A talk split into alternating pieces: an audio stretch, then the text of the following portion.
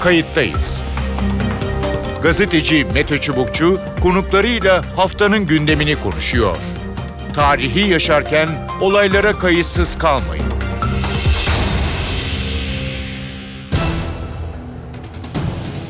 İyi günler. Bir kayıttayız programıyla daha karşınızdayız. Tarihe ışık tutmak ve olan biteni anlamak için önümüzdeki dakikalarda sizlerle birlikte olacağız. Ben Mete Çubukçu, editörümüz Sevan Kazancı.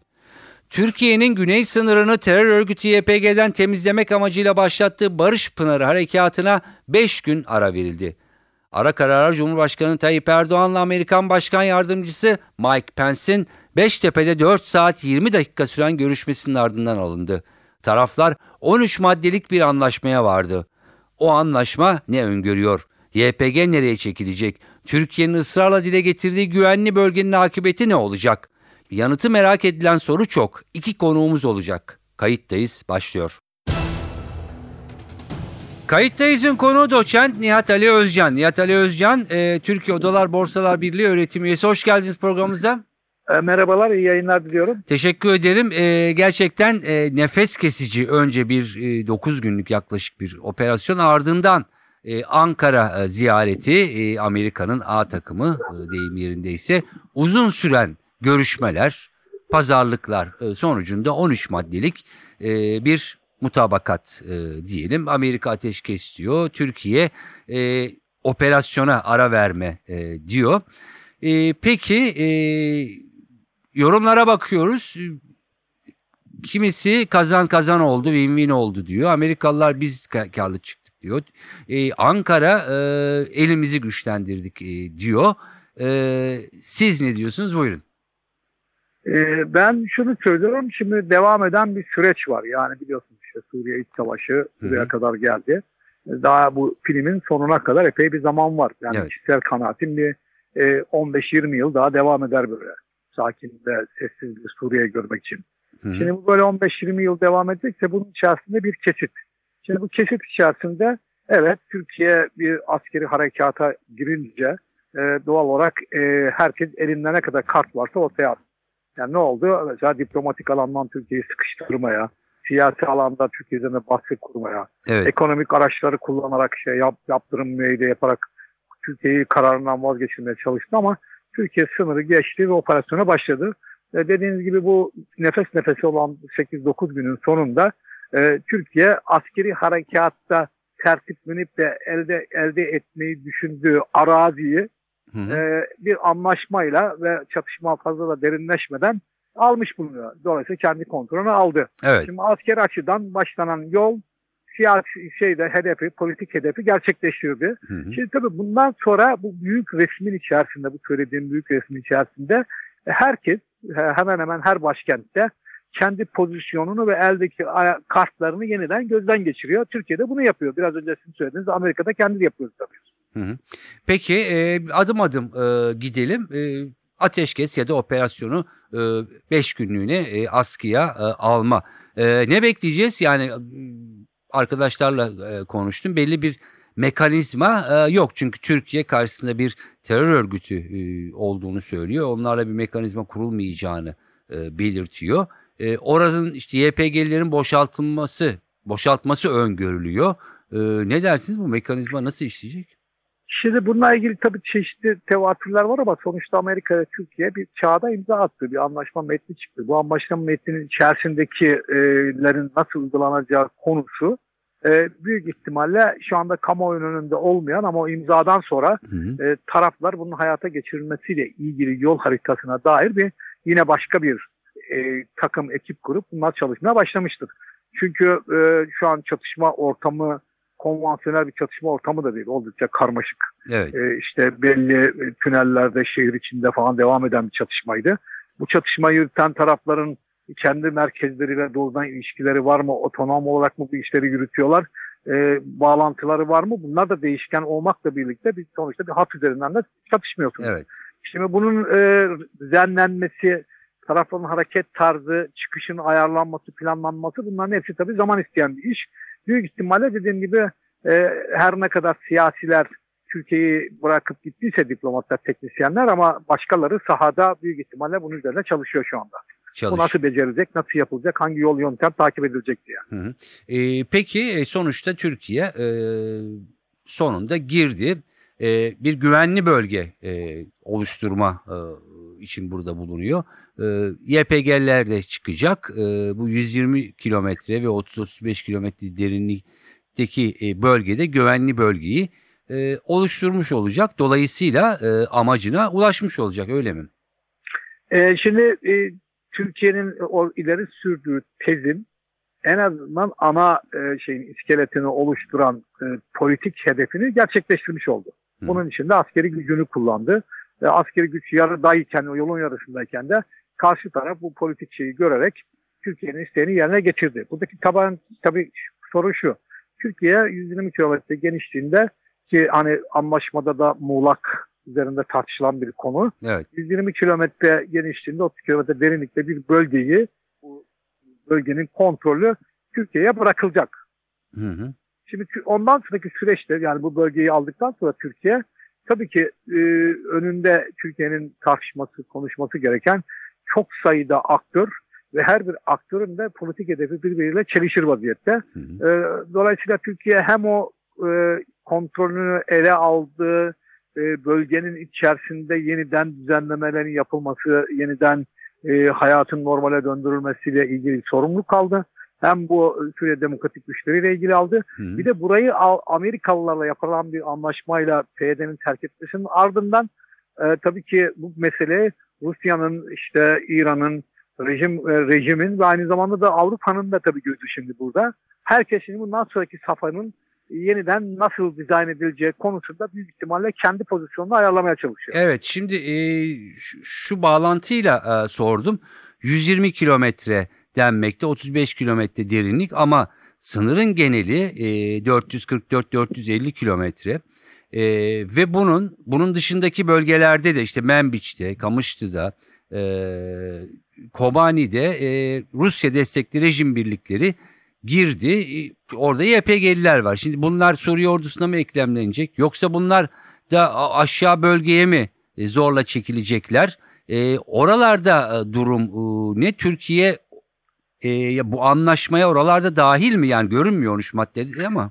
Ee, Şimdi metni okuyup ardından da metine imza atanların medyaya ve basına yaptığı böyle e, birbiriyle çelişir gibi gözüken açıklamalara baktığınızda bu metnin e, 120 kilometreyi kapsadığını söyleyebilirim ama tabii e, dediğim gibi metne imza atanlar bile konu hakkında ortak bir görüşe sahip mi çok emin değilim. Ama sonuçta bu 120 kilometre de önemli bir şey çünkü Evet. dediğim gibi buradaki bütün taşları yerinden oynatmaya yeterli ve yetti.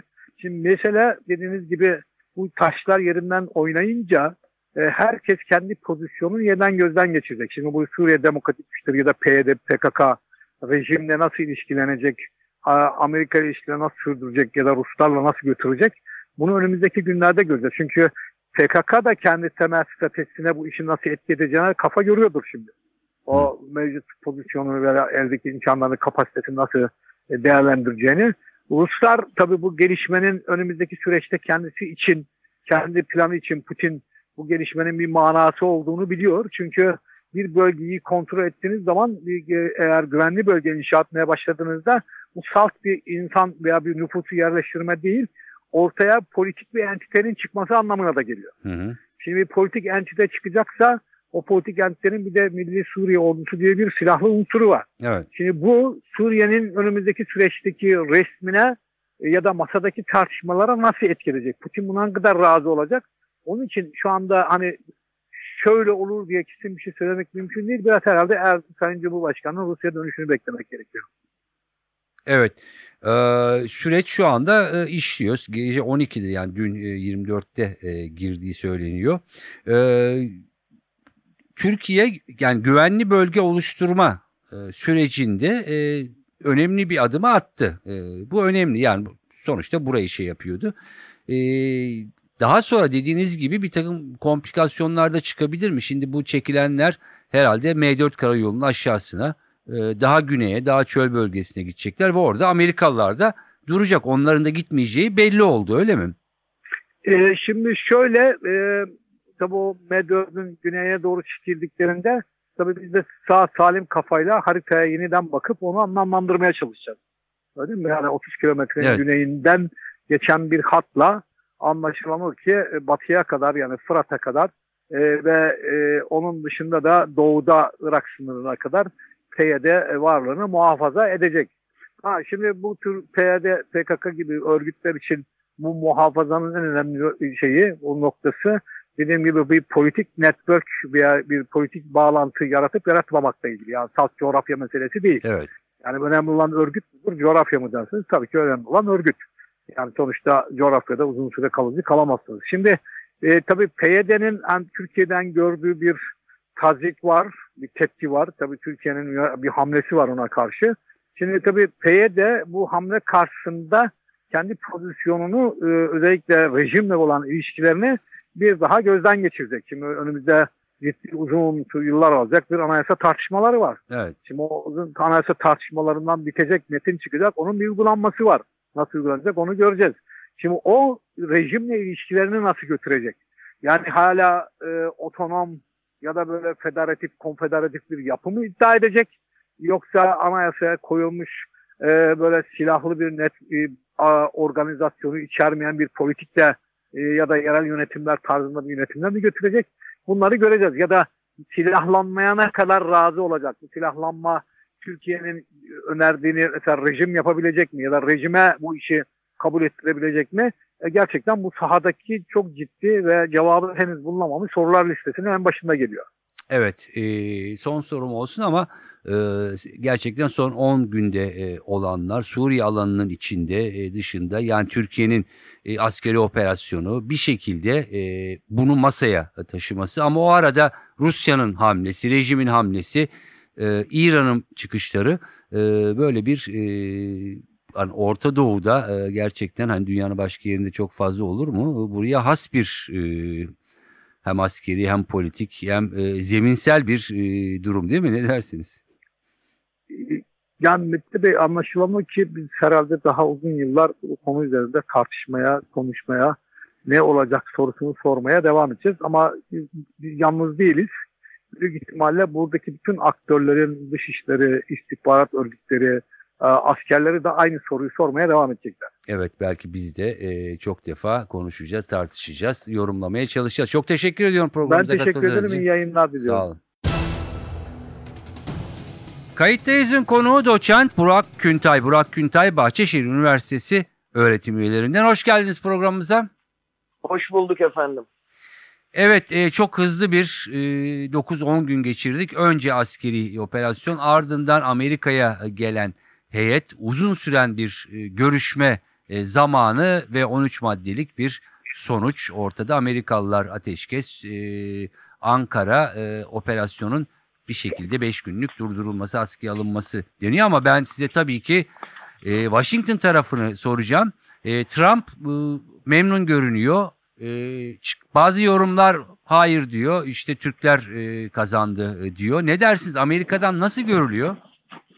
Şimdi tabii bu sürece bakarken bazı şeyleri biraz detaylardan kalkıp tepeden bakarak incelemek lazım. Buradan baktığımızda da resim bir o kadar net ama bir o kadar da gelecek açısından yine soru işaretleri barındırıyor. Hı hı. Şöyle açıklayalım.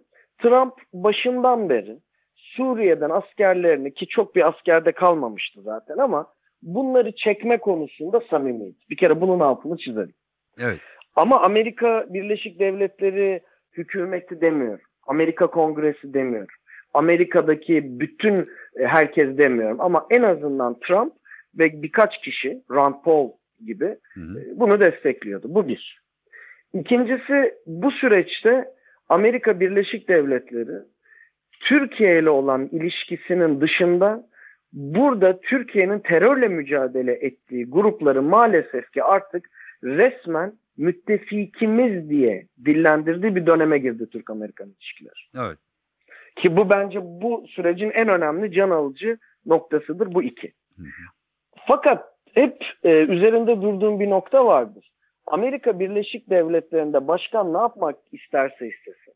Sonunda bir kritik mevzu oldu ki Türkiye Amerika'nın tam da seçimlerin bir yıl öncesinde demokrat ön seçimlerinin de tam arifesinde Türkiye Amerika Birleşik Devletleri iç politikası malzemesi haline geldi.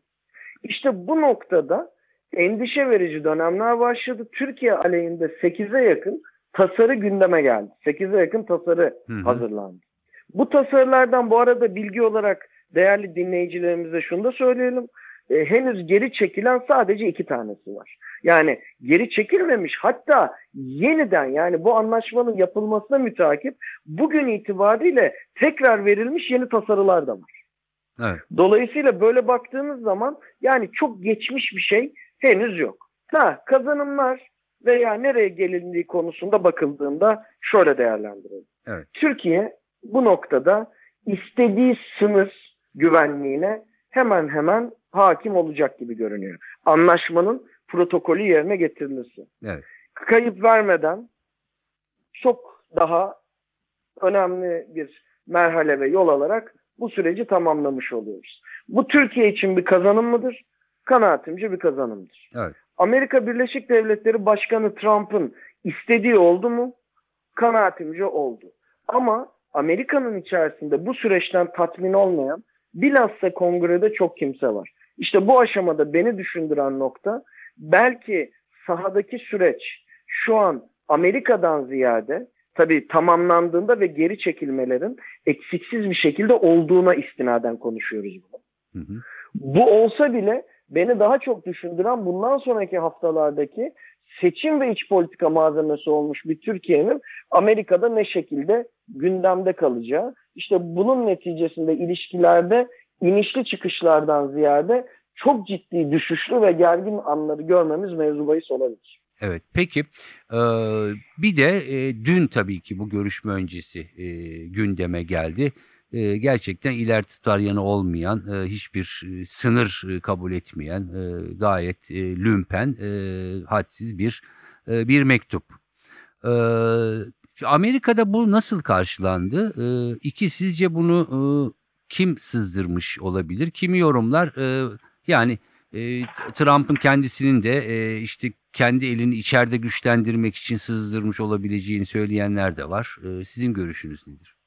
Şimdi tabii şunu net bir şekilde konuşalım Mete Bey. Trump'ın üslubu benim hiç gördüğüm bir devlet üslubunu Amerika için konuşmuyoruz bu arada. Evet. Dünyanın herhangi bir ülkesi için bile gördüğümüz alıştığımız hiçbir devlet üslubuna uyan bir tarz değil. Hı hı. Yani Amerikalıları bırakın. Amerika Türkiye münasebetine bırakın. E, herhangi bir kabine ülkesinde bile bu tarz üslubu görmedik şu ana kadar. Evet. Dolayısıyla Trump'ın bu üslubu Türkiye'den de önce Amerika'da Türkiye'yi eleştirilenler tarafından bile eleştirildi. Çünkü bir devlet üslubu değil. Bir kere bunu bir kenara koyalım. Trump'ın üslubunu ciddi anlamda ciddiye alıp eğer dünyanın Türkiye'de demiyorum yine herhangi bir ülkesi kale almaya başlarsa dünya savaşı çıkar zaten. Evet. Çünkü üslup hiçbir şekilde uymuyor. Bunu bir kenara koyalım. Ha, sızdırma meselesine gelince ben burada çok büyük ölçüde emin olduğum bir durum var. Çünkü bize e, bu işin prospektüsü bunu gösteriyor. Öyle söyleyelim. Trump en çok eleştirildiği nokta, en çok üstüne gelindiği nokta ki demokratların iki gün önce olan münazarasında da çok konu edildi. Trump'ın Türkiye'ye yeşil ışık yaktığı ve bu yeşil ışığı yaktıktan sonra Türkiye'nin operasyon yaptığı Hı. konusuydu. Trump hep bu noktada eleştiriliyordu. Evet. Şimdi bizim basında tabii çok daha farklı şeyler ele alındı ama Amerikan basınında hele demokratların ön seçim münazarasındaki temel konu bu yeşil ışık mevzuydu. Evet. Bunun Beyaz Saray tarafından bizzat paylaşıldığı e, ve Beyaz Saray tarafından şunun önüne geçilmek istendiğini düşünüyorum. O da şudur ki bakın biz Türkiye'ye daha önce sakın girmeyin. Girerseniz biz sizi değiliz mektubunu ayın 9'unda verdik. Fakat Türkiye buna rağmen girdi. Hı hı. Yani bizim bir yeşil ışık yakmışlığımız yoktur. Yok. Göstermek amacıyla Beyaz Saray'dan verilmiş bir şeydir bu Evet. mektuptur. Ama tabii ki e, mektubun neden verildiği, niçin verildiğinden ziyade üslup görülünce Tabii. iş bambaşka bir boyuta geldi ve artık e, yeşil ışık işinden ziyade mektubun üslubu konuşulmaya başladı. Ama şundan da eminim ki bu mektup gibi herhalde Donald Trump'ın dünya liderlerine yazdığı E, son dönemlerde yüzlerce mektup var. Buna zaten bu üslup olarak baktığımızda biraz önce de dediğim gibi e, söylenip analiz edilebilecek bir tarafı yok bunun. Evet yani bir çöp gibi bir şey e, Evet. açıkçası. Peki e, son sorum olsun. Amerika'daki Buyurun. tartışmalarla ilgili dediniz ki yani Türkiye neredeyse hani bu şu anda en azından e, girilen seçim sürecinin e, önemli konularından birisi oldu. Peki Amerika şimdi Türkiye'nin bu operasyonuna e, niye bu kadar yani karşı çıktı? Acaba burada e, yani Trump'ın asker çekme e, kararı e, alanı Rusya'ya e, bırakma, e, Rusya'nın orada bütün Suriye alanını e, domine etme çekincesi ve buna itiraz mı e, var acaba Amerika'da da? Şimdi bakın burada iki tane nokta var. Birincisi seçime bir yıl kaldığını unutmuyor. İkincisi seçime bir yıl kala Amerika'daki psikoloji şudur. Muhalefet partileri, e, partileri demeyelim de adayları Aday. diyelim. Hı. muhalefet adayları şu andan başlarlar hatta bir buçuk ay öncesinden başlarlar. Gitgide şiddetini arttırır bir şekilde öncelikli olarak ekonomi Hı hı. ardından da sosyal politikalar bakın yine hemen değil ama üçüncü etken olarak dış politika Evet. noktasında başkanı eleştirmeye başlarlar. Başkanı eleştirirken bir yandan parti içindeki diğer rakiplerinden de fark yaratırlar ve bu da toplumda karşılığı olan noktalarda yer etmeye çalışır. Hı hı. Şimdi mesele Türkiye değil Çin'le ilgili olsa o da çıkabilir. Evet. Sadece bizim mevzu böyle bir dönemde böyle bir zamanda karşıya çıktığı için birden iç politikada sahiplendi. Peki bu mevzu neydi? Bir, Amerika'nın dünyadaki mevcut hakim gücünü bölgesel olarak Rusya'ya teslim etti. Yani Amerika'yı dış politikada güçsüz ve daha geri plana itti. Hı. Birinci tez bu. İkinci tez de Amerika'nın müttefiklerini yarı yolda bıraktı. Evet. evet. Şimdi bu iki tane nokta burada alındı ve Türkiye ve Kürtler üzerinden kullanılmaya başladı. Tabii buradaki esas acı nokta ilk yorumumda da söylemiştim.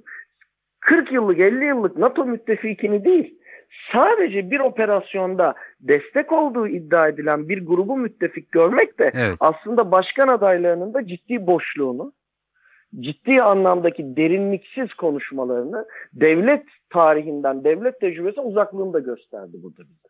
Yani burada kimse sanmasın ki mesele Türkiye, mesele Trump'a karşı dış politikada nereden dokunabilirim? İşte buradan dokunabilirim diyerek iki tane keyword diye tabir edebileceğimiz anahtar kelime belirlendi. Amerika'nın dış politikada güçsüzleşmesi Hı hı. ve müttefikleri yarı yolda bırakması gibi. Buradan yüklenerek doğan trendle de Türkiye'nin doğal olarak üstüne gelindi.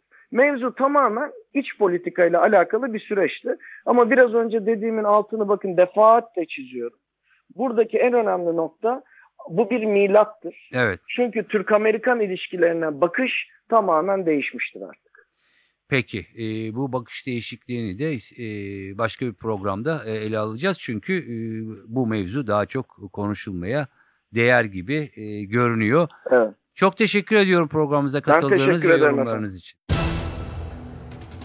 Evet görüşler böyle kritik dönem başladı ancak günün sonunda Türkiye amaçladığı bölgeyi, güvenli bölgeyi şu anda yaratmış durumda. YPG'lilerin çekilmesi gözleniyor. Ondan sonra ne olacağını 5 gün sonra hep birlikte göreceğiz ama bu konuyu daha bence çok uzun süre tartışmaya da devam edeceğiz. Kayıttayız'dan bu haftalık bu kadar. Ben Mete Çubukçu editörüm Sevan Kazancı. Önümüzdeki hafta yeni bir konuyla birlikte olmak amacıyla hoşçakalın. Kayıttayız. Gazeteci Mete Çubukçu konuklarıyla haftanın gündemini konuşuyor. Tarihi yaşarken olaylara kayıtsız kalmayın.